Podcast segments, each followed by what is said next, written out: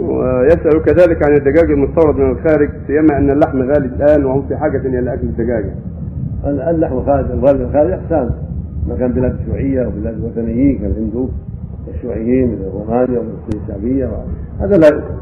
حتى نعلم أنه ذبحه مسلم أو كتابه أما ما ورد من بلاد النصارى كفرنسية والإنجليز والأمريكان فالاصل فيه الحل حتى نعلم أنه ذبح غير الشرع وما دون هذا نعلم فالاصل في ذبائح الكتاب هو الحل هذا هو جاء علينا شيء الله يهدي الجميع نحن كثيرا من الشباب متمسكين بدين الله ونحب الدفاع عن العقيدة والأراضي الإسلامية لكنهم لم يجدوا فرصة تصلهم إلى ذلك شكرا لكم.